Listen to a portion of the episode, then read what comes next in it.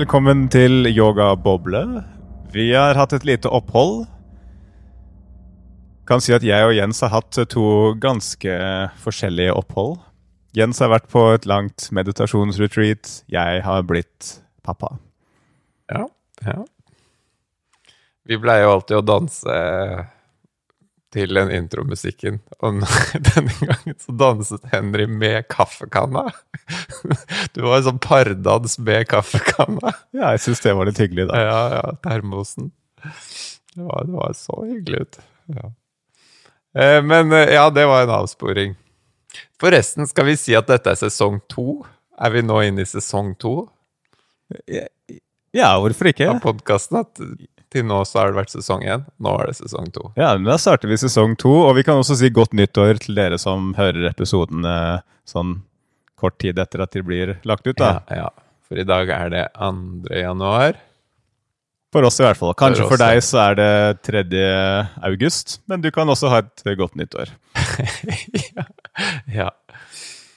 Ja, nei, men som du sa, så um, har du blitt far, og jeg har sittet i stille retreat. Så det er det vi skal snakke om i dag, da.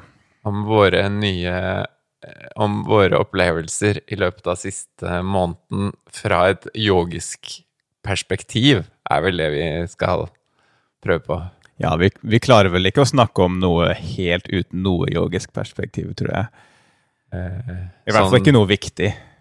Nei, nei, det er kanskje det er blitt en slags sånn del av vårt perspektiv. Jeg tror det. Ja, ja. Skal du starte, da? Snakke om, øh, om din nye rolle som far. Ja, det kan jeg gjøre. Så øh, ja, jeg har en liten gutt nå som er fem uker gammel. Egentlig så har han termin i morgen. Så han kom, øh, ja, han kom ganske tidlig, da. Ja. Men alt går kjempefint, og han er helt fantastisk. Han er, han er så nydelig. Og øh, ja, det er jo vanskelig å beskrive hva som skjer når, øh, når man blir liksom øh, forelder for første gang, men det er jo helt sinnssykt. Um, og hele liksom fødselen og helt alt det der, det er liksom Det er, det er jo det heftigste jeg har vært med på noen gang. Og, og, og jeg var jo bare tilskuer, så all ære til dere kvinner som uh, har vært gjennom det, eller skal gjennom det. Det er, uh, det er heftige greier. Ja. Ja, hva- ja, fortell, da. Hva var det som var så Eller er det privat? Nei, men det er jo altså det er jo, det er jo ganske mange timer med intens smerte, liksom. Ja. Um, og, og ja, smerte og bekymring og Ja, det er liksom bare intenst på alle måter, men også helt fantastisk, da. Fantastisk etterpå, eller underveis, eller bare Jeg syns det jeg, jeg syns det var veldig fint, hele, hele prosessen, egentlig. Um, bare at jeg, jeg på en måte bare var uh, så imponert, liksom, over hva hun fikk til. Ja. Og jeg skjønte jo på en måte at min rolle stort sett var å bare ikke blande meg altfor mye. Fordi, men det er, jo, det er jo nok veldig forskjell på folk. Akkurat min kone er litt sånn, jeg, jeg vet at hun Hun kan tåle å stå i ganske heftige ting, eh, og tåler det best hvis hun kan på en måte bare gå litt innover og liksom jobbe med ting på egen hånd. Så, så det var utrolig imponerende bare å være vitne til. Ja. Hæ. Og så, men, eh, og så kom da dette barnet ut, og så Ja, det var utrolig al- Altså um, Under fødselen så sier jordmor ja, nå er hodet ute hvis du har lyst til å se. Så da kikka jeg, og da var liksom vinkelen sånn at liksom jeg så bare rett på ansiktet hans. da, Det var kun var hodet som var ute. Og da åpna han øynene, og så så rett inn i øynene mine, liksom. Det var en ganske intens Så opplevelse. det var liksom Vi fikk liksom øyekontakt. Så jeg var liksom det første han så da i, i verden. Ja. Og han begynte selvfølgelig å grine med en gang. Når han hadde hodet ute? Ja. Ja. Så det var eh, Nei, og så Ja, jeg trenger ikke gå inn i masse detaljer eh, med liksom fødsel og sånt, men eh, nei, det er liksom Det er jo helt utrolig å ha Plutselig ha en liten sånn skapning som er helt avhengig av deg, og som uh, Og som vekker alle mulige slags rare liksom, følelser og hormoner og ting. Ja. Men det er jo helt fantastisk. Er, hvordan er det fantastisk, da? Er, det liksom, er det en fantastisk følelse, eller er det en eller. Ja, det er jo bare liksom en sånn ekstrem kjærlighet, da. ja. som man føler hele tida. I hvert fall hver gang man liksom tenker på barnet eller ser barnet eller liksom Ja, så du har liksom Det er blitt vekket en eh, sånn farskjærlighet? Eller- Ja, altså e egentlig så Det er ikke så annerledes enn den kjærligheten jeg har på en måte opplevd i andre situasjoner. Den er på en måte bare mer intens og mer på en måte Ja, det er liksom veldig en sånn omsorgskjærlighet, da. Ja. Så sammenlignet med romantisk kjærlighet, da, for eksempel, så er det Det er bare en Det er kjærlighet, bare at den har en annen form? Ja, og, og så er den på en måte ikke så ulik som man skulle tro, egentlig. Man på en måte kan føle liksom en forelskelse. Ja. ja. Eh, selvfølgelig uten den seksuelle biten, liksom, men allikevel så er det den der liksom at man på en måte Ja, man, man kan liksom kjenne at man blir, man blir helt sånn betatt, da. ja. Så du kan bare liksom se på han og så stå og måpe? Ja, ja. Jo- det er jo liksom det vi gjør. det er liksom det dagen går i. Ja. Ja, ja, ja. Koselig, da. Men det er ikke alle som har det sånn. Er det ikke noen som på en måte Spesielt fedre, da, som kanskje eh, Ja, så kommer barnet, og så er det litt sånn Ja, ja, der kom det et eller annet lite krek, men man klarer, klarer ikke helt å forholde seg til det. Ja, jeg tror alt er på en måte normalt også, at mødre liksom ikke føler noe, at det tar litt tid før man på en måte bygger opp den um, Så det, det er jo vanlig, det også, men i hvert fall for oss, vi var helt betatt fra første sekund, liksom. Men uh, Ja. sånn sett var vi jo heldige, kan man si. da. Kan vi si et eller annet sånn yogafilosofisk klokt om det her? Jo, ja, for det er en veldig, veldig spesiell uh, ting, og det her visste jeg ikke, men visstnok så er det en greie at liksom når en nyfødt baby, eh, etter liksom kanskje et par dager, når de begynner liksom å åpne øynene og kikke og sånt, så blikket som de har, er veldig spesielt. Det er, hvert fall, jeg merka det at første gang jeg liksom fikk skikkelig øyekontakt med han, så du ser liksom en sånn en dyp visdom i det blikket, og det var ikke jeg forberedt på. At jeg, jeg, som jeg fikk øyekontakt, og så plutselig så ble jeg liksom ydmyket. At jeg, du forventer å se et sånn forvirra, hjelpeløst blikk, men så ser du plutselig en, en dyp visdom og sånn blikk som bare liksom forstår verden. da.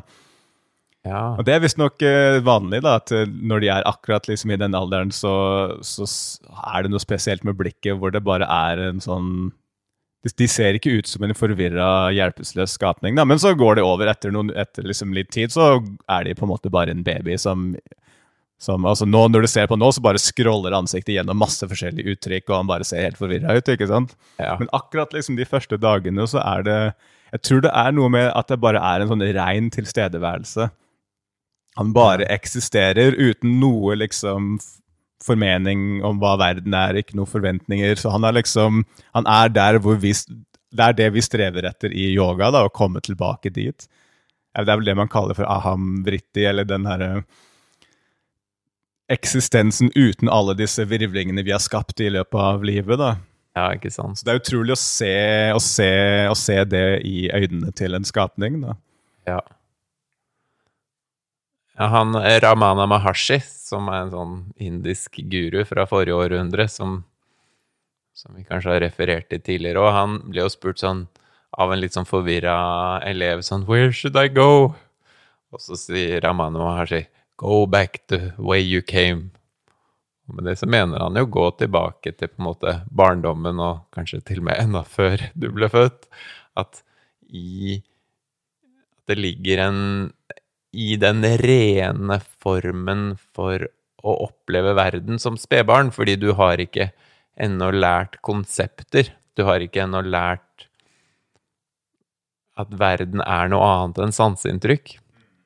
Altså, han tenker ikke 'Å ja, der er det et bord, og der er det en person', og der Han bare eksisterer, ikke sant? I hvert fall Han- helt i starten. Ja, det, det er en ren eksistens hvor du eh, bare opplever at verden er sanseinntrykk, og tanker har ikke ennå begynt å komme, fordi tanker er jo eh, Det baserer seg jo ofte på ord, som er konsepter.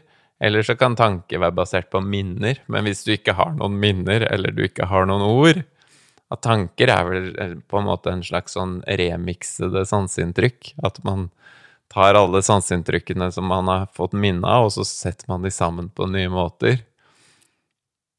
Men som barn så gjør man ikke det, og da har man ikke tanker. Og det er jo i stor grad det man prøver på da, i yoga og meditasjon, er jo å komme til en tilstand uten tanker. Og det får de babyene til helt av seg selv. Ja, i hvert fall helt i starten. Det gikk, det, gikk forholdsvis fort over til han på en måte bare var en baby med masse behov og masse forventninger, liksom. Men, eh, men akkurat liksom de første par dagene så var det rett og slett ydmykende å, å få øyekontakt, for da var det plutselig sånn Oi, du har skjønt noe jeg ikke har skjønt. og du har jo bare eksistert i et par dager. Ja. Det er feil. Han hadde jo eksistert i åtte måneder og noen dager. Inni, inni der, ja. Mm.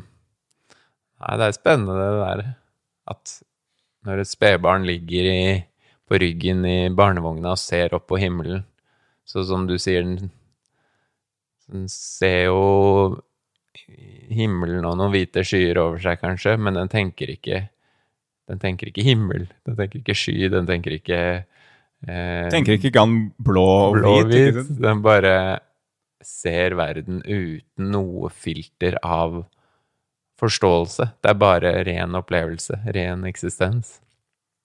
Og det skal det visstnok gå an å lære seg å gjøre igjen, da, ifølge Ja. Patanjali. Ja, ikke sant? Det er det vi prøver på. Komme tilbake dit. Tenk å komme til det nivået hvor du kan høre noen snakke, men så er det bare lyder. At hvis du vil, så kan du forstå ordene, men du kan også velge å bare høre lyder og ikke ta inn over noe informasjon. Ja, skal vi prøve akkurat nå? Jeg tror ikke det er riktig tidspunkt mens vi spiller en podkast, men eh, Jeg prøver akkurat nå når du sa det, men jeg, du fikk med deg hva jeg sa. jeg hørte litt på lyden òg. Fikk med meg hva du sa. Hva var lyden? Er det sånn jeg høres ut? Altså? Nei, men nå prøvde jeg bare å liksom ta melodien Ja. i det. Ja.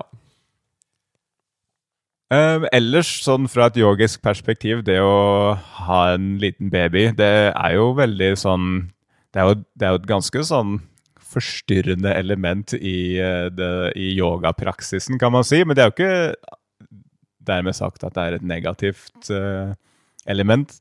Det er jo um, Det er jo en utfordring. Man liksom utfordrer uh, virkelig den her evnen til å akseptere og gi slipp og sånne ting er ganske vanskelig når man har en liten baby. Du kan liksom ikke, Han kan ikke gråte, så kan du bare akseptere at han gråter. Eller man kan det til en viss grad, men så må man også gjøre noe med det. Um, og jeg merker også at uh, ja, hverdagen består i veldig å, liksom, å dekke behov. Ok, Jeg må liksom sørge for at hans behov blir møtt, konas behov, hundens behov. Uh, og så er det liksom mine behov, og da er det liksom ikke sånn Ok, nå, nå kan jeg meditere. Da blir det fort sånn Ok, nå må jeg spise, eller nå må jeg sove, eller eh, et eller annet. Eller nå må jeg bare ha kaffe, eller At det blir fort sånn der eh, pri primærbehov, liksom. Så jeg er veldig glad for at yoga er jobben. At jeg kan dra på jobb, og så kan jeg få gjort yoga, liksom. Det, jeg, kan, jeg har veldig forståelse for uh, alle som kommer ut av praksisen sin når de får små barn. Det er nok ganske utfordrende å, å på en måte prioritere og sette av tid til ting som kan kanskje føles litt sånn egoistisk, da. Ting som, som på en måte, ja, en litt sånn luksusaktivitet. Ja, det er noen som sier at ja, sånn, han Sahasha, han yogalæreren min, han sa jo det at det liksom To have children is a path in itself. At det å liksom få barn er en er en egen vei, en egen spirituell vei, da, og at eh, Og jeg ser jo det at du, i hvert fall det der med at uh, man blir kanskje litt mindre selvopptatt, da, og litt egoet blir litt dempet fordi man ikke setter seg selv som det viktigste og høyeste lenger. Plutselig er det noe annet som har fått førsteplassen. Ja, og vi har jo snakka om det litt før en eller annen gang også, at det der med å få barn Du blir på en måte tvunget gjennom en del sånne yogiske prosesser. At du må først ja, lære å gi slipp på egoet ditt. Um, men så må du også lære til slutt å gi slipp på det barnet også, ikke sant? Det barnet må jo kunne vokse opp og leve sitt eget liv. og Så du, må, du på en måte setter noe over deg sjøl, og så gir du slipp på det du satte over deg sjøl. Altså det er, en, eh, det er en skole å gi slipp? Det er jo det er på mange måter det. Og så er det kanskje ikke alle som eh, Eller det er kanskje varierende i hvilken grad man liksom mestrer akkurat den delen av det, men, eh, men det er i hvert fall det som er helt fra naturens side, det er det som er meningen. da, At du skal, du skal ja, gi slipp på, det, på deg sjøl, og så skal du gi slipp på det, det du elsker mest, over deg sjøl. Liksom. Og, og så dør du. Og så dør du. Da skal du gi slipp på livet selv. Ja, ikke sant? Så hele, hele, livsløpet, hele vår natur, er en skole i å gi slipp. Er en lang lærdom i å gang på gang på gang gi slipp, gi slipp, og, gi slipp. Og i liksom tradisjonell hinduisme for folk som ikke skal være liksom yogier helt fra starten av, så er det jo disse fire ashramaene, eller disse fire periodene i livet hvor da den perioden som er etter familielivet, da, altså du, har, du får barn og sånt, det er liksom en periode, og den perioden etter det handler om å gi slipp. Det er en liksom gradvis prosess hvor du gir mer og mer slipp, og så ender du livet ditt som en asket, da, eller som ja, en som ikke har noe. Og det er en veldig fin tanke, syns jeg. Mm. Istedenfor å Istedenfor å få flere og flere og flere ting frem til du dør. ja, det er liksom litt det vi gjør i Vesten, at vi bare samler mer og mer og mer. Mens i, i den tradisjonen så, så, er det meningen at du skal på en måte samle Du skal liksom samle på kama og arta. Du skal kam, samle på kjærlighet og på materiell velstand i denne familiefasen. Og så skal du begynne å gi slipp.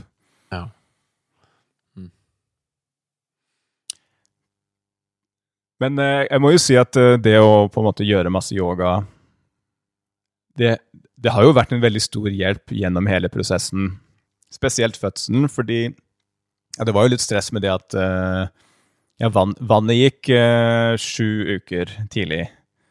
Uh, og vi visste jo liksom ikke Vi visste ikke at det egentlig er ganske udramatisk, da. Uh, Visstnok så er det ganske vanlig, og så pleier det å gå helt fint. Men liksom, det var jo en periode hvor vi liksom tenkte oi, hva Går det her gærent, liksom? Um, men jeg merka at uh, gjennom hele den prosessen så kjente jeg på en slags tillit. Jeg kjente på en tillit på at ok, det som skjer nå, det er liksom det som er meninga at skal skje. Så hvis det er uh, ja, hvis verden f.eks. trenger et, uh, et sjukt barn, eller hvis verden trenger liksom et barn med, med handikap, hvorfor skal ikke vi være den som skal passe på det barnet? Eller hvis verden trenger at vi mister et barn nå, kanskje, kanskje det er det Da må man liksom bare gjøre det beste ut av det. Jeg, jeg, jeg kjente at jeg, jeg, var liksom ikke redd, for jeg, følte på en tillit til at um, at det som kommer til å skje, er det som verden trenger mest. Da, og da, da, er det på en måte positivt uansett. Men så gikk jo alt fint, da. Ja, ja. Da var det det verden trengte mest. I så fall. Nei, det var, jo, det var jo spennende, da. Vi var jo her i yogastudio da kona di ringte, og vannet hadde gått. Uh, og jeg husker, husker, du da du la på telefonen etter at uh, hun, du hadde snakket med henne, så, så gjorde du sånn som der og det har jeg aldri sett deg gjøre før. Jeg fikk litt uh, pul puls da. og så sa Marius, uh, en av de som kom på yogastudiet, jeg tror det var Marius, som sa Jeg tror jeg aldri har sett Henry stressa før. men, men det, jeg følte meg ikke Eller jo, det var jo stress, men det føltes liksom ut som en sånn derre uh, forventning. Sånn der, åh, oh, ok, nå, nå, skjer det, liksom. Ik ikke en sånn der å, nå er jeg sliten og stressa, men sånn der at kroppen på en måte forberedte seg på prestasjon. Da. Den der, ja, det, liksom følelsen du fører før du skal på en scene. Det er liksom den følelsen jeg gikk med ja, når vi kjørte til uh, sykehuset og sånt. da. Ja, Så du var fokusert? Jeg var, jeg var ekstremt fokusert på ok, nå har jeg, nå har jeg to, to, veldig viktige oppgaver. Første oppgave er å kjøre forsiktig. Nå skal jeg kjøre bil, jeg skal kjøre veldig forsiktig. Og andre oppgaven er at jeg skal liksom gjøre så godt jeg kan og berolige min kone, som på en måte var hakket mer stressa enn meg. da. Ja, ja, ja. Mm. Um, nei, så det, Og jeg merka det også. Og, og, da, og, da, var det jo Det tok jo en uke før fødselen faktisk begynte. Uh, så da ble det jo liksom mye mindre stress. Fordi vi fikk jo vite ganske fort at alt var i orden. Det var liksom bare det at vannet gikk. Og så, ja. så var det bare å vente på at fødselen starta. Så det, hele opplegget var veldig udramatisk, egentlig. Ja. Og så måtte jeg bli eh, en Jeg skulle jo dra en uke tidligere til Spania. Jeg hadde jo flybillett til Spania. Eh, men så måtte jeg bli en uke til, da. For da plutselig akkurat Jeg tror det var samme dag som jeg skulle fly, så kom vel Da satte fødselen i gang, tror jeg. Ja, jeg tror det. Eller dagen før. Ja, dagen før var det, ja. Mm. Så da sta du starta på en måte retreatet med litt karma-yoga? Ja, så da var, det, var, jeg her en uke alene uten deg, da. Og det var, det var koselig. Men jeg var litt sur første var litt sur første dagen da jeg hadde en flybillett ut fra, ut fra kalde november-Oslo. Og, og, akkurat, akkurat, den perioden nå, så det var jo så forferdelig vær òg. Det var bare grått og regn og gjørme ja, ja. overalt. ja. Da hadde jeg lyst til å komme meg ned til Costa del Sol men, eh, men, jeg fikk jo det, da, til slutt. Dette er kanskje en naturlig bro over i, eh, over i mitt retreat, eller, eh, ja. eller, har du noe mer du føler vi skal si om farskapet? Kommer, du kommer vel sikkert tilbake til de senere ja. episoder òg? Jeg skal ikke se bort fra det. Og så kan, kanskje vi i slutten av episoden oppsummerer? Ja, vi kan snakke litt om meditasjonsretreat. Ja. Vi har jo hatt noen episoder om det før. Ja da, så det blir jo bare en slags fortsettelse av det, kanskje. Hva, men jeg prøver å huske hva vi Var det noe vi liksom snakka om Vi hadde jo en episode før du dro. Om eh, ja, Er det noen, sånn er det noen sånn tråder der vi burde ta opp igjen? Sånn, uh... Det husker jeg ikke. Nei. jeg tror bare vi må, vi må prøve så godt vi kan. Ja. Så hvor mange dager ble det til slutt? Så det ble da 23 dager i stillhet. Det skulle vel være da 30, men så ble det en uke mindre fordi, ja, fordi du fikk barn. Og så da ble det 23 dager. Eh, som føltes eh, absolutt nok. Eller jeg kjente da eh, De siste ti dagene, da telte jeg ned. Da var jeg sånn åh, ti dager. Ni dager. Åtte dager.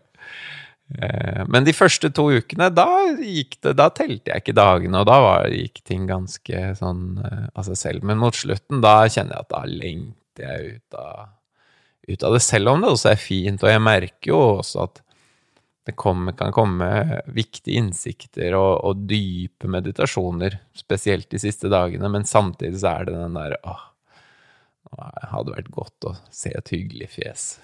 Ja, men kan du, ikke, kan du ikke beskrive litt liksom det stedet og Jo. Så dette stedet ligger da et par timer fra Granada, som er sør i Spania. Ehm, så det ligger i Sierra Nevada, som er da en fjellkjede sør i Spania. Eh, og der var det snø på toppene av fjellene, så man kunne, man kunne, se snø på toppene av fjellene, men ned, nede der jeg var, var det ikke snø. Der var det bart. Eh, og på dagtid så var det, så var det kanskje oppe i 15 grader eller noe sånt. Eh, og jeg bodde da en, eh, en liten hytte, en liten rund steinhytte, som var en del av et sånt uh, retreat et buddhistisk retreat-senter. Um, og Dalai Lama hadde til og med vært der, så disse følger liksom den lineagen, eller den lin, eller tradisjonen som Dalai Lama er en del av, da. Ja, tibetansk buddhisme. tibetansk buddhisme, ja.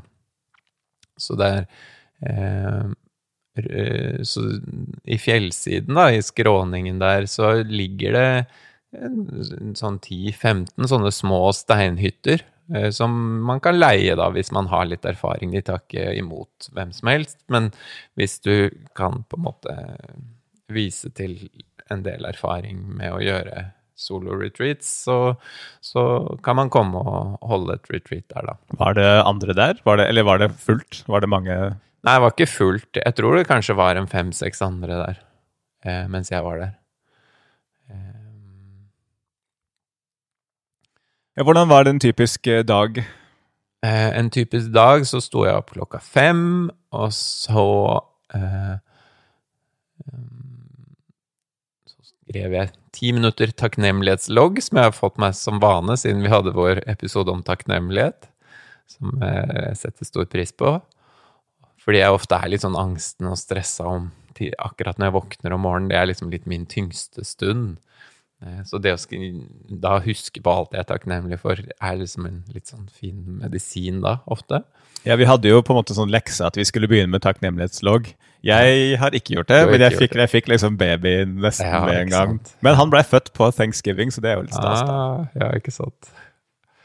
Og så eh, Ja, så våkner jeg klokka fem, har klokka på fem, og så klokka halv seks så setter jeg meg og mediterer, og så mediterer jeg nå snakker jeg i presens.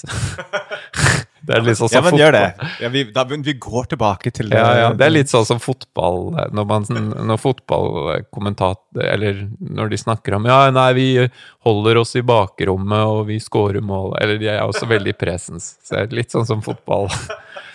Um, jo, så, så, så, står Så begynner jeg å meditere klokka halv, eh, halv seks, og så mediterer jeg da frem til halv åtte. Og klokka åtte, da kommer sola opp.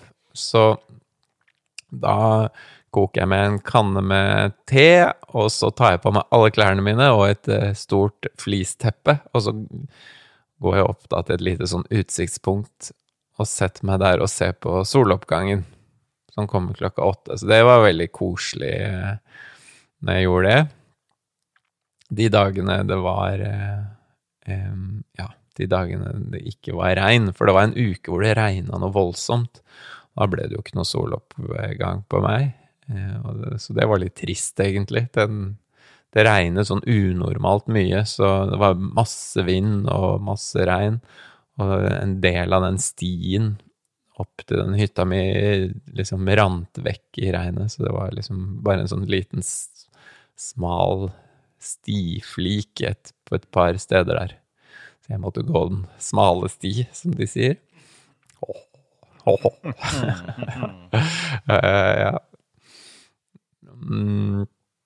Ok, så klokka åtte sol soloppgang. Ja, og så kom jeg ned en sånn Så halv ni så, så, startet jeg å gjøre litt yoga. Så da gjorde jeg kanskje en halvannen time, to timer yoga. Stort sett bare asana-praksis da, eller? Ja, nei, da um, jo, eh, ja, stort sett uh, asana Er det fordi jeg sa brukte ordet yoga? Nei, jeg er nysgjerrig. Om det var noe pranayama, eksempel. Ja, så gjorde, ja, så jeg litt pranayama til slutt, ja. ja jeg har jo en sånn kjepphest at jeg liker ikke at man, man kaller det yoga når man uh, Eller differensierer mellom yoga og, og meditasjon, eksempel. Ja, ja. Nei, for yoga er jo egentlig den store paraplybetegnelsen på alt som ja, som fører til union. Ja. Men så, gjorde, så du gjorde litt asana-praksis? jeg gjorde litt asana-praksis, litt pra, pranayama, litt pusteøvelser altså. Og så satte jeg meg og mediterte i to timer til, frem til klokka var halv tolv. Eh, og da måtte jeg gå med en liten kurv, en sånn stråkurv jeg hadde, ned eh, og levere den kurven med, med Tupperware eh, som jeg hadde vasket fra dagen før. Og så satte jeg den under et kastanjetre som var i nærheten av liksom hovedhuset. Og så eh, gikk jeg tilbake igjen, og så gjorde jeg faktisk noe som er litt eh, kontroversielt i yoga- og retreat-sammenheng, men jeg hadde faktisk et kvarter med styrketrening. Og det er de sånn Nei, nei, nei, du må, må ikke finne på det, for det stresser hodet, og du, da blir du litt mer hektisk i hodet. Det skal du ikke når du er på retreat. Da skal bare hodet være helt rolig. Men jeg kjente at eh, jeg hadde lyst til å holde meg litt i form. Og jeg, jeg tror nok mange vil oppleve at hodet blir mindre stressa av å gjøre litt styrketrening. Ja, eller det som skjedde, var at jeg gjorde styrketrening, og så hadde jeg ikke noe Jeg hadde ikke varmt vann i den hytta, så da tok jeg meg en iskald sånn Wim Hof-dusj. Eh, rett etter styrketrening, for da var jeg varm, og så rett ned og ta den derre Så da følte jeg meg alltid skikkelig friskus etter den Wim Hof-dusjen. Og så gikk jeg tilbake igjen til kastanjetreet for å hente den eh, kurven som da var fylt opp av personalet med lunsj og Føler at det er sånn matfe som kommer og fyller Ja, ja. under kastanjen. Som jeg aldri vet. Aner ikke hvem som gjorde det. Møtte aldri vedkommende. Matfeen. Så, og da var det da en lunsj og en eh, middag eh, i, i den kurven. Hva slags mat var det du typisk fikk da? Det var vegetarmat, så det var liksom Det kunne være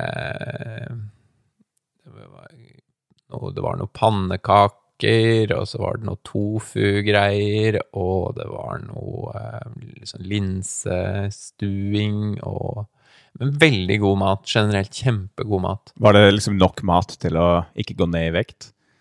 Eh, ja, det tror jeg det var. Jeg kunne få så mye jeg ville, så jeg kunne be om mer hvis jeg ville. Men det anbefales også å ikke spise altfor mye på sånne retreats, så jeg eh, Ja, så jeg fikk Og så dropp, jeg droppa frokost, da, så jeg um, spiste ikke før faktisk kvart over ett, halv to hver dag. Og så etter det, når jeg hadde spist, og det var den beste delen av dagen, da, når jeg bare kunne sitte og spise den gode maten. Og så, når man mediterer så mye, så er man så sanselig, man er så fokusert, så maten blir så innmari god. Ofte hjemme til vanlig så sitter jeg kan jeg sitte og scrolle på telefonen mens jeg spiser, eller distrahere meg på en eller annen måte, men her var, hadde jeg sånn helt fullt fokus på maten og på smakene, så det ble jo bare Ja, så jeg koste meg noe voldsomt. Satt og så utover denne fantastiske utsikten utover denne dalen. Um,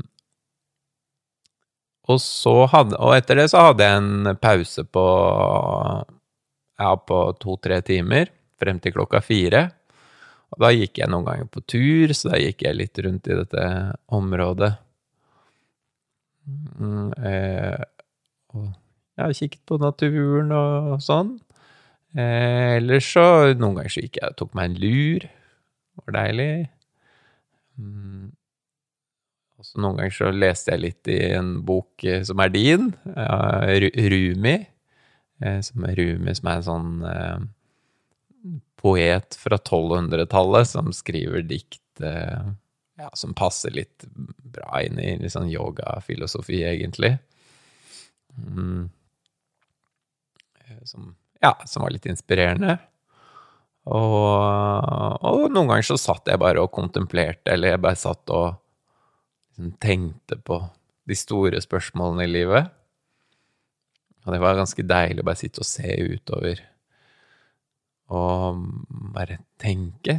Bare ha tid til å liksom Noen ganger så kunne jeg sitte og tenke to timer i strekk. Og det gjør jeg ikke hjemme, altså. Bare sitte i en stol og tenke. Men her kunne jeg bare sitte og tenke og tenke og tenke. For mange så høres det sikkert ut som et mareritt. ja. Nei, men det, tanken, man, man blir så innmari klartenkt. Og altså, jeg er jo Og det har jeg vært helt siden jeg var barn, men jeg har alltid vært ganske glad i å tenke. Eh, så Så for meg eh, er det egentlig fint. I hvert fall hvis jeg har liksom Ja, et tema jeg syns er spennende å tenke på. Og så var det meditasjon da fra fire til seks. Så var det solnedgang på andre siden av fjellet, så da måtte jeg gå en liten tur til et annet sted hvor det var et nytt utsiktspunkt hvor jeg kunne se på solnedgangen. Og så kom jeg tilbake igjen til halv sju, og så mediterte jeg. Um, eh, ja, så mediterte jeg da i halvannen time til. Um, frem til halv ni, og da spiste jeg middag eller kveldsmat, da. Som alltid var suppe og brød. Eh, og så, på slutten av dagen, da Så sang jeg et mantra. Eh, om, om, om Gam Ganapatayena Maha. Og så Som jeg sang 108 ganger. Og så mediterte jeg i fem-ti minutter, og så gikk jeg og la meg. Sånn i titiden. Så var det på'n igjen neste dag. Ja, det høres jo veldig fint ut, egentlig. Det er jo ikke noe jeg har gjort før. Men uh, det må jo være spesielt å liksom at, at, du gjør det samme hver dag og er helt aleine. Det må jo være litt spesielt? Ja Det er vel kanskje det. For meg så har det jo nå gjort dette Dette er fjerde gang jeg gjør et langt eh, sånn solo-retreat, så etter hvert så føles Det er jo ikke spesielt for meg. Det er litt sånn som Det må jo være spesielt å være yogalærer, Henry. ja, men jeg lurer på om det kanskje ligner litt på Jeg føler at i Norge så fins jo sånne folk som bare bor ute på en gård aleine. Og så liksom står de opp hver dag og gjør liksom de samme de arbeidsoppgavene på gården, og så går de og legger seg. Det er kanskje ikke så ulikt, egentlig, bare at da jobber man jo hele dagen. Ja, men det er litt jobb med meg òg, da. Men jeg har denne, de timene fri midt på dagen. Men det er jo til sammen Jeg mediterer jo kanskje sånn syv-åtte timer, og så Ja, sju blir det som oftest, da. Og så en time til sammen, tror jeg. For jeg har sunget ganske mye mantra. Så jeg tror jeg har sunget kanskje tre kvarter med mantra. Sunget tre kvarter hver dag. Og pranayama kanskje en halvtime hver dag. Pusteøvelser, altså. Og så asana-praksis time, halvannen hver dag. Så det, så det er jo kanskje elleve timer med yogapraksis, da. Hver dag. Eh, så det er på en måte jobb hele tiden. Og selv når jeg har pause og leser eller tenker, så er det Leser jeg om eller tenker på ting som er relevant for det jeg holder på med. Så det er jo ganske sånn fullpakka med yogisk arbeid, kan man si. Absolutt. Hadde du noe hadde du noe liksom, intensjon eh, eller noe på en måte fokus, noe spesielt du liksom hadde tenkt å jobbe med eller fokusere på før du dro ned? Ja, jeg hadde En ting som var en intensjon, var vel eh, dette med å komme mer i tydelig kontakt med hva er det jeg vil? Eh, komme i kontakt med min egen vilje. Fordi noen ganger så så er det, er, ikke alltid like tydelig for meg hva jeg vil. Jeg, jeg, gjør ting, og jeg kommer inn i rutiner og kommer inn i hverdagslivet og tralten. Men så noen ganger så kan jeg miste litt sånn kompasset på hva er det jeg egentlig vil? Hva, er det jeg skal Hva skal jeg med dette livet? Skal hvor, hvor skal jeg rette energien min? Hva skal jeg hva, Ja. Eh, så det var en intensjon jeg hadde, å virkelig kjenne etter hva det jeg vil. Og også sånn siste par årene så har jeg vært litt sånn forvirra med kvinner. Så, så, jeg har liksom vært eh, Sist gang jeg hadde kjæreste, er vel snart fem år siden. Og etter det så så har det vært veldig tydelig for meg at, at jeg, det jeg har villet, er å holde på med yoga og, og dykke dypere inn i det, mens så har jeg opplevd på en måte alt dette med, med damer som en litt sånn distraksjon, egentlig. Eh, mens nå men så merker jeg også at jeg har jo drifter, og jeg, har, jeg er jo en mann, og, er, og når jeg sykler på gata og ser en, en vakker kvinne, så blir jeg jo eh, hen, henført, eller hva man sier. Så, så, så jeg Så jeg merker jo Jeg føler jo at det er noe som drar meg mot Drar meg mot damer, da. Og, og at jeg er veldig opptatt av det. Eh, og så, jeg har på en måte kanskje tenkt at ok, kanskje det er meningen at jeg hvis jeg bare skulle være sånn yogi som satt inni en hule for meg selv, så hadde, jeg, så hadde kanskje ikke jeg vært så opptatt av damer, men siden jeg er såpass opptatt av damer, så er det kanskje meningen at jeg skal være sammen med en dame, da. Og, og, så det har jeg kanskje kommet til nå, at For det har vært mer en sånn forvirring, sånn åh, jeg kjenner at jeg vil, men samtidig vil jeg ikke. Det har vært en sånn ambivalens. Mens nå merker jeg vel tydeligere at eh, jo, men jeg tror jeg skal eh, være sammen med en dame, eller ha en, en relasjon, men, men, kanskje være sammen med en dame som virkelig forstår hva jeg holder på med, og forstår mitt prosjekt, og som kanskje har det litt på samme måte selv, da. Ja, for det blir jo på en måte På et eller annet tidspunkt så blir jo det noe man må velge. Og man kan jo nesten ikke ha i pose og sekk. Man kan liksom ikke være helt Man kan liksom ikke være en asket som bor i en hule og har kanskje de aller dypeste meditasjonene, og også være i et romantisk forhold, da. Det man må, man må vel velge litt. Ja, og på en måte så tror jeg når man skal ta det valget, fordi det er veldig lett å med hodet ha noen ideer. Når jeg tenker sånn kvinner er en distraksjon, så er det en tanke, ikke sant? Men jeg tror at når det kommer til hva slags liv man skal velge for seg selv, hvilke store livsvalg man skal gjøre, så tror jeg det er viktig å stole på den lengselen man har. Fordi noen, noen opplever en så sterk lengsel for Gud og for ja. det uendelige at damer er bare uinteressante. Ja, ikke sant? Hvis, hvis, hvis, du, hvis det å være i forhold eller det å få barn oppleves irrelevant, er, irrelevant for deg fordi du bare vil meditere og komme i kontakt med det uendelige, ja, da gir det seg selv. Men hvis du fortsatt kjenner en Sånn som jeg, da, som sitter i retreat og kjenner en lengsel etter, etter damer, så er det kanskje Så, så stole på at ja, men da er det kanskje meningen at, at lengselen skal ta meg dit nå. Um, I dette livet, hvis det er slik at vi blir født inn i flere liv. Um, og så jeg har på en måte kommet til at ja, men det er Jeg har en lengsel etter å, å gå inn i stillhet og, og, og, og, fordype meg i det, men samtidig så er jeg ikke helt ferdig med Jeg er ikke helt klar til å bare være en yogi som sitter alene inni en hule resten av livet. Jeg skal ut og, og være i relasjon. Så det, så det har på en måte vært en fin innsikt at ja, eh, jeg har lyst på kjæreste. Så alle dere lyttere, det er bare å stelle seg i kø. Nå, nå blir jeg flau. ja. Um, så det var så den, Men også litt sånn hva med Skal jeg holde retreats? Hvordan skal jeg leve livet mitt profesjonelt? Hva, jobb og sånne ting.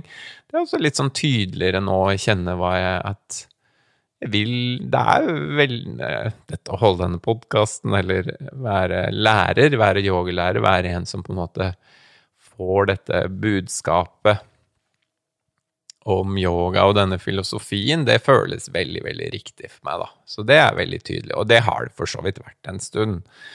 Men det er sånn enda tydeligere nå at, at, at jeg, jeg, skal være ute blant folk. Jeg skal ikke bruke livet mitt på å sitte i en hule, men jeg skal leve et liv blant folk. Men samtidig også gjøre lange retreats, sånn som jeg har gjort nå. Men, men at oppgaven min er, eh, er i stort sett å, å være blant folk og, og det er jo veldig betryggende for meg. da. Det, jo, det, har jo vært en liten del av meg som har tenkt ja, ja, det er ikke sikkert Jens kommer tilbake. ikke sikkert han er så gira på å jobbe på Oslo Hatta Yoga lenger. ja. Nei da, det skal jeg. Eh, og så har en annen intensjon jeg har hatt med dette retreatet, har vel vært liksom det å hengi meg, da. Eh, hengi meg til Livet slik det er, ikke slik jeg skulle ønske at det var. At det er jo veldig ofte en tendens jeg har, og de aller fleste har, at man har en lengsel etter at ting skulle vært annerledes, eller sånne ting. Og at jeg har jo vært skyldig For eksempel bare det at i hverdagslivet så lengter jeg etter Sånn som da jeg ikke kunne dra til Spania, så lengtet jeg jo etter å dra til Spania og være i retreat. Eh, så når jeg sitter i retreat, så lengter jeg ut av det. ikke sant? At det blir en sånn Man lengter alltid etter noe annet enn der man er. Eh, det, tror jeg, det tror jeg mange kan kjenne seg igjen i. Ja, så det har også vært noe jeg liksom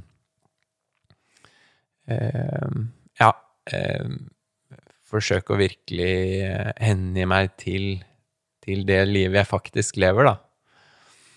Men det kjenner jeg Det som jeg tror er kanskje den største sånn forskjellen før og etter retreatet, som jeg kjenner tydelig nå, er at jeg kjenner en mye mer sånn tydelig sånn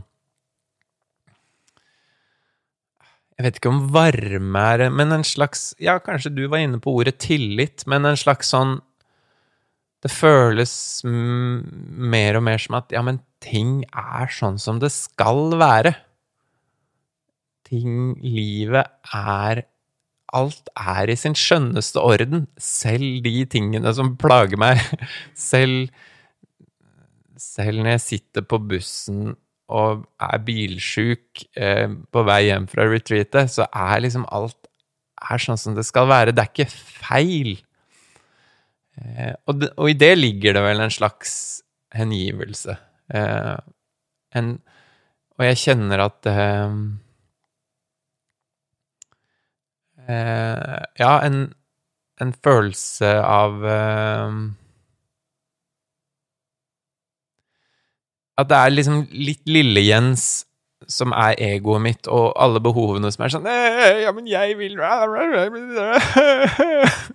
Ikke sant? Og så er det en sånn slags sånn stor Jens som, som er helt rolig, og som er sånn Dette går bra.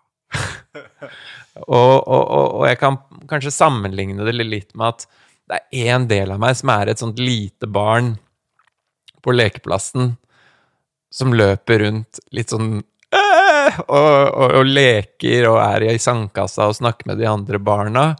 Og, og, som faller og detter og gråter, eh, slår seg og gråter. Og så sitter det en sånn rolig sånn far på siden, på en benk, med et sånt mildt, kjærlighetsfullt blikk, og ser på lille Jens som løper rundt, rabiat, og som, og som sier sånn Det går bra. Det går bra. Og som er helt rolig og helt trygg. Og de to delene av meg Det er vel akkurat som at jeg kanskje har vært veldig identifisert med Lille-Jens som løper rabiat rundt, og så merker jeg at jeg blir mer og mer identifisert med Store-Jens som sitter på benken, og som er helt trygg, som er helt rolig, som vet at dette kommer til å gå bra. Og det føles veldig trygt. Det føles veldig godt, og det gir den tilliten, da, som du snakker om. Hmm. Det, det, er jo interessant uh, at du hadde fokus både på vilje og hengivenhet, da. Ja. De to Det kan jo på en måte være litt kontrast der, at du fokuserer på hva du vil, men også på å bare akseptere eller hengi seg. Men, uh, jo, men det, det, gir allikevel mening. Absolutt. Nei, men det er egentlig ikke kontrast, fordi Fordi jeg tror det handler om å hengi seg til sin egen vilje. Mm. Og jeg tenker også i sånn karma-yoga at du vil noe, du har en retning, men du hengir deg til utfallet og resultatene. Ja, for det handler ikke For viljen er helt naturlig, den. Og det er ikke sånn Det er mange som misforstår yoga og buddhisme og meditasjon som om at det er en sånn passivitet i det. Men vilje Det handler om at man skal hengi seg til viljen man dypest sett har, til å faktisk gjøre noe godt, da. Eh, ja. Så, så, så, for meg så er det egentlig ikke noen eh, Det er ikke noe motstridende i det hele tatt. Mm. Det, er, det, er, liksom det å, å navigere i de, Man har jo gjerne mange viljer, men så er det noen ja. som er dypere enn andre, da. Man, ja, jeg tror det er det å på en måte finne Fordi du har, du har på en måte de litt mer å, i gåseøyne overfladiske viljene som handler om umiddelbare behov.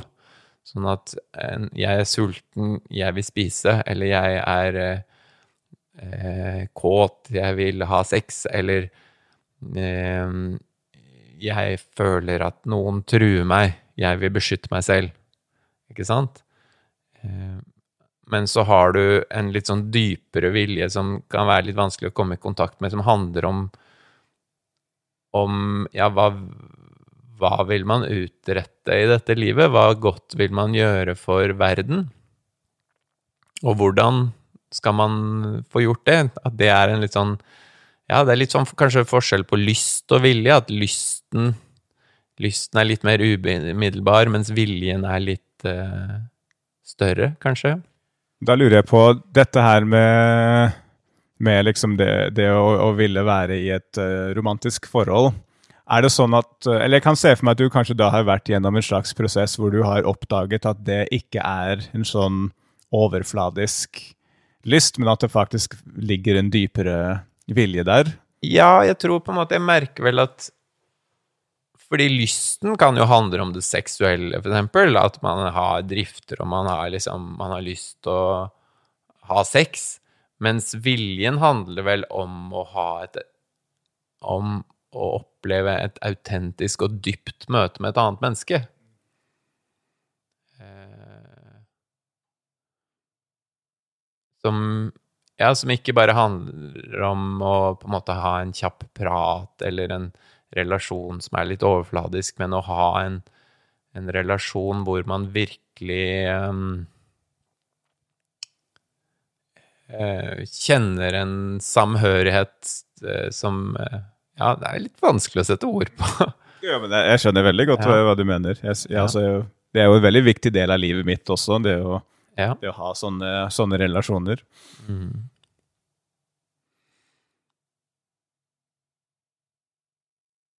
Men jeg kan jo, jeg kan jo skjønne at uh, det er jo noe man må undersøke hos seg sjøl. Hva er det jeg egentlig har behov for her? Har jeg bare behov for oppmerksomhet og få dekket liksom uh, lystene mine, eller har jeg behov for en skikkelig liksom dyp relasjon?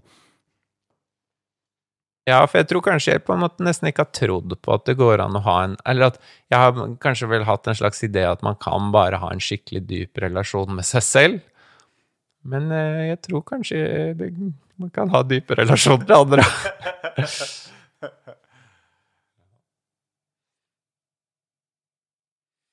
Jeg er veldig spent på hva slags relasjoner det går an å ha med sitt eget barn. Jeg tror, eh, jeg tror på mange måter det kan være den dypeste relasjonen det går an å ha. Ja, jeg har også oppe i fjellene her så har jeg kontemplert dette dybde. For dybde er jo en metafor, ikke sant? Snakker du konkret om dybde, så er det jo sånn å ja, her er vannet to meter dypt under brygga.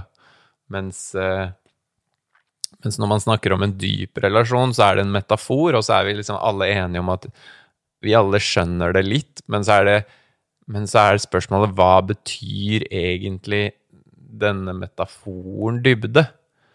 Um, hadde vi ikke en halv episode om det? Om dybde? Jeg tror vi hadde det i november, så tror jeg vi snakka litt om dybde. Ja, vi gjorde kanskje det. Ja, ja jeg syns det Jo, jeg tror, jeg tror du har rett, jeg. Jeg tror du har rett.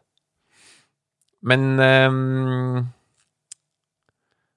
Ja. Nei, så jeg har kommet fram til noen tanker om dybde, men jeg tror kanskje jeg skal spare det til en annen episode. En teaser. Det blir en liten teaser. Ok, ok. Ja. Ja. Eh, ja. Jeg føler meg egentlig ganske godt uh, fornøyd med, uh, med hva, jeg, hva, jeg, har sagt. Eller jeg føler at jeg har ikke det mer på hjertet. Nei. Um, Eller har du jo, noen spørsmål? Du um Du nevnte, ikke i løpet av episoden, men tidligere i dag, så snakka du litt om at du hadde litt sånn Bhakti-fokus. Jeg er litt sånn nysgjerrig på det, jeg. Ja. Bhakti er jo på en måte en del av yogaen som handler mer om hengivenhet til det uendelige, eller til Gud, eller eh, Og det har på en måte for meg vært litt sånn fremmed, for jeg har vokst opp veldig ateistisk, og eh, så jeg har ikke vært så opptatt av Gud som noe jeg skal forholde meg så mye, mye, til. Jeg har vel tenkt mer sånn jeg skal meditere, og så se hva som skjer. Og hvis Gud åpenbarer seg for meg i noen meditasjon, så, så, er det kjempehyggelig. Men hvis ikke, så bare fortsetter jeg å meditere og praktisere yoga. Mens, mens nå, i dette retreatet, som en, eh, litt som et eksperiment, men også litt som en sånn følelse av at det ja, føles riktig. Eh, så har jeg sunget da mange mantraer eh, som er liksom designa for å Ja, for man, man synger vel de da til eh, Ja, til dette uendelige. Eh, og jeg har også prøvd å liksom snakke til Gud som om Gud skulle være en slags eh, person. Så jeg har på en måte prøvd å opprette en slags Ja, opprette, opprette en kontakt, eller eh, Gjøre Gud til et slags Til noe jeg kan forholde meg til litt mer sånn konkret. Eh, for jeg har vel hatt en Jeg har jo hatt en Jeg har jo trodd på Gud de siste årene. Men jeg har vel følt at Gud har vært noe sånn litt sånn fjernt, noe distansert. Så litt som at Gud, det er en sånn Det er en person som uh, bor i nabolaget, men jeg snakker ikke med Gud. Mens nå har jeg liksom invitert Gud opp i senga. og vært, og, så nå bor vi sammen. Eh, I hvert fall på dette retreatet. Så nå har jeg liksom hatt et litt mer sånn intimt forhold til til Gud, da. Som et um, Ja, så, og det har egentlig vært ganske fint. Og, og liksom bare Ja, som nesten sånn dagbokaktige samtaler hvor jeg bare snakker høyt ut i lufta til Ja, til Gud. Og jeg, jeg vil, også, jeg vil også, si jeg, Det føles litt personlig, og, eller litt privat, nesten. Men, uh, men nå kommer jeg nå på dette sporet. Uh, og jeg syns det er litt flaut. Jeg merker at jeg er litt Det er noe som skammer meg litt, og at, at jeg er litt redd for at uh, folk som hører på podkasten, kanskje syns jeg er litt teit, eller som syns at jeg ja, det, det, er liksom ikke helt en del av identiteten min å drive og snakke til en gud, eh, men, men nå har jeg nå gjort det, da. Eh, og, jeg kjenner også sånn, en sånn behov eller en lyst til å liksom si sånn at jeg har gjort det som et eksperiment. For jeg har gjort det som et eksperiment, men jeg har også gjort det fordi jeg har villet, da. Eh, og fordi det finnes en slags sånn tro på at det er ja, en tro på Gud, da. Det må jo være en grunn til at så stor del av verdens befolkning i all tid har gjort akkurat det, da. Ja. Men har du merka Hvordan har det liksom påvirket deg å gjøre den praksisen? Det, eller, det har jo Det kjennes så mye koseligere. Fordi før så har praksisen min vært litt tørr. Den har vært sånn ok, jeg sitter der og mediterer, og det innebærer at at jeg lukker øynene og fokuserer på pusten, eller fokuserer på noe konkret, eller på hjertet mitt, eller noe sånt. Mens nå så har jeg også i meditasjonen så er det akkurat som at jeg har en mer sånn Istedenfor å fokusere på pusten eller på hjertet, så, så er meditasjonen min litt mer sånn at jeg føler at jeg hviler inn i Gud. Jeg bare hviler Jeg hviler, og så lar jeg på en eller annen måte Gud ta over. Eh, og Gud er på en måte litt det samme som den, den faren som sitter på benken og ser på lille Jens eh, som leker på lekeplassen. Så jeg bare hviler inn i den store bevisstheten, i, i det vitnet som bevitner alt det som skjer. Eh, og det føles veldig fint. Det føles godt, og det føles trygt, og det er akkurat som at da er ikke verden farlig lenger.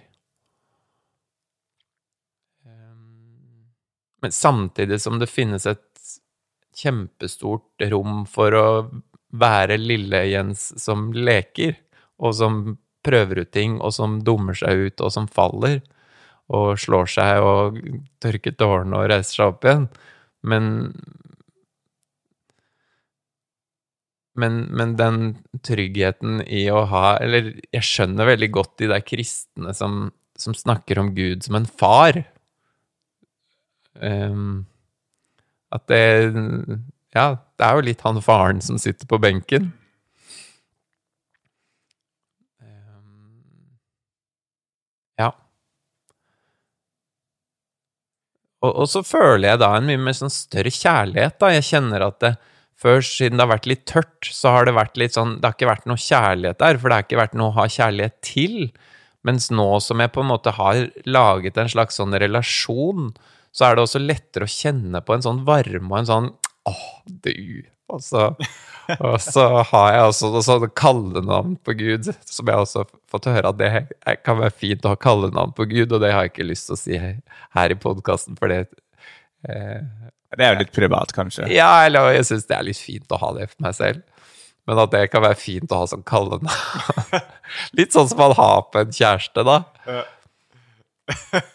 Ja.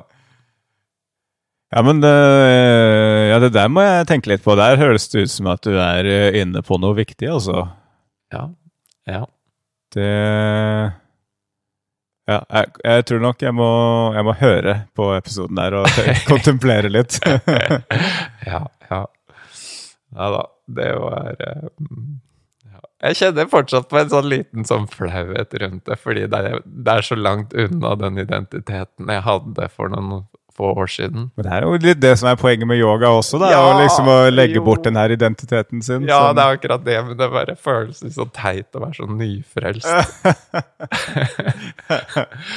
ja. Mm. ja, ja. Nei, men eh, skal vi, skal vi, sette strek der, eller? Ja, det tror jeg. Ok. Nei, men takk for i dag. Takk for i dag. Do do do do